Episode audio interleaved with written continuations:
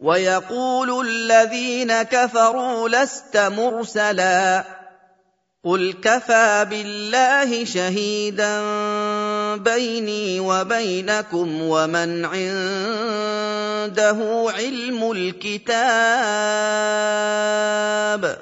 Orang-orang kafir berkata, Engkau, wahai Muhammad, bukan utusan Allah. Jawablah mereka, wahai Rasul, cukuplah Allah sebagai saksi antara diriku dengan kalian, bahwa aku adalah utusan dari Robku kepada kalian, dan orang yang memiliki ilmu tentang kitab-kitab terdahulu, yang di sana tertera sifat-sifatku. Barang siapa Allah menjadi saksi bagi kebenarannya, maka dia tidak terpengaruh oleh pendustaan siapa yang mendustakan. Surah Ibrahim, Makkiyah. Tujuan surah, penjelasan tentang tugas para rasul dan kesungguhan mereka untuk mengentaskan manusia dari kegelapan-kegelapan syirik menuju cahaya tauhid yang disambut oleh kaum mereka dengan penolakan untuk meneguhkan hati Nabi Shallallahu Alaihi Wasallam dan mengancam orang-orang zolim. Tafsir. Bismillahirrahmanirrahim. Alif Lam Ra. كتاب أنزلناه إليك لتخرج الناس من الظلمات إلى النور بإذن ربهم إلى صراط العزيز الحميد Pembahasan tentang huruf-huruf semacam ini sudah ada di awal surah Al-Baqarah. Al-Quran ini adalah sebuah kitab yang kami turunkan kepadamu, wahai Rasul, agar kamu mengeluarkan manusia dari kekufuran, kebodohan, dan kesesatan menuju iman, ilmu dan hidayah kepada agama Islam yang merupakan jalan Allah yang maha perkasa, yang tidak dikalahkan oleh siapapun, yang maha terpuji dalam segala sesuatu. الله الذي له ما في السماوات وما في الأرض وويل للكافرين من عذاب شديد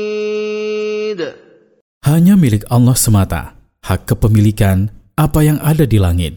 Hanya milik Allah semata hak kepemilikan apa yang ada di bumi. Maka hanya Allah semata yang berhak disembah, tidak disekutukan dengan siapapun dari makhluknya. Orang-orang kafir akan memperoleh azab yang keras.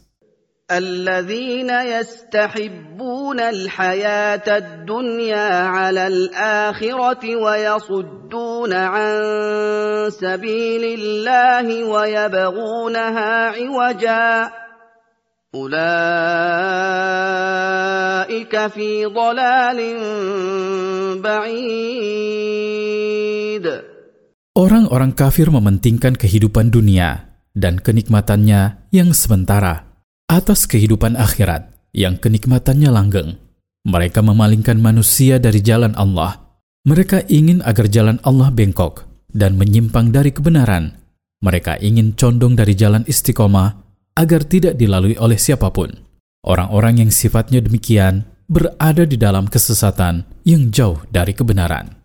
وما ارسلنا من رسول الا بلسان قومه ليبين لهم فيضل الله من يشاء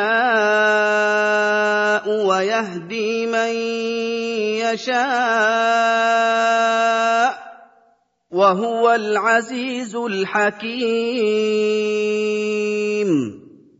Kami tidak mengutus seorang rasul kecuali kami mengutusnya dengan berbicara, memakai bahasa kaumnya, agar mudah bagi mereka memahami apa yang dia bawa dari Allah.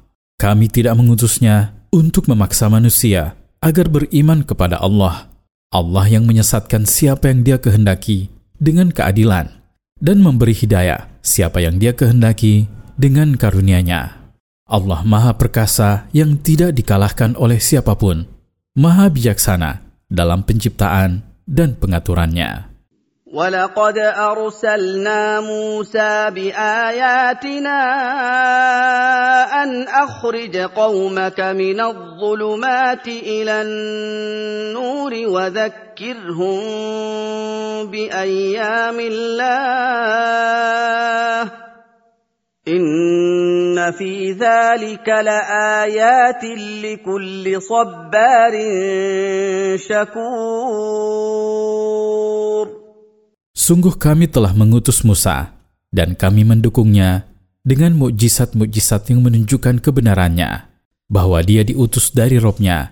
Kami memerintahkannya agar mengeluarkan kaumnya dari kekufuran, kebodohan, dan penghambaan menuju iman dan ilmu. Kami memerintahkannya agar mengingatkan kaumnya dengan hari-hari Allah yang saat itu Allah memberikan kenikmatan kepada mereka. Sesungguhnya, hari-hari tersebut mengandung petunjuk kepada tauhid Allah dan keagungan kodratnya, pemberian nikmatnya kepada orang-orang mukmin, pembalasannya terhadap orang-orang yang berbuat dosa, yang mendustakan. Ini yang bermanfaat bagi orang-orang sabar di atas ketaatan kepada Allah dan yang selalu bersyukur atas nikmat dan karunia-Nya. Faidah dari ayat-ayat di atas.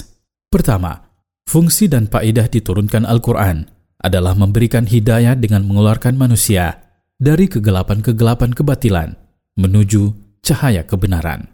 Kedua, para rasul diutus dengan bahasa kaum mereka agar mereka lebih memahami tujuan dari pengutusan para rasul dan lebih membuka peluang bagi mereka untuk menerima dan melaksanakan perintah para rasul. Ketiga, tugas utama para rasul adalah membimbing dan menuntun manusia agar keluar dari kegelapan-kegelapan kekafiran menuju cahaya iman.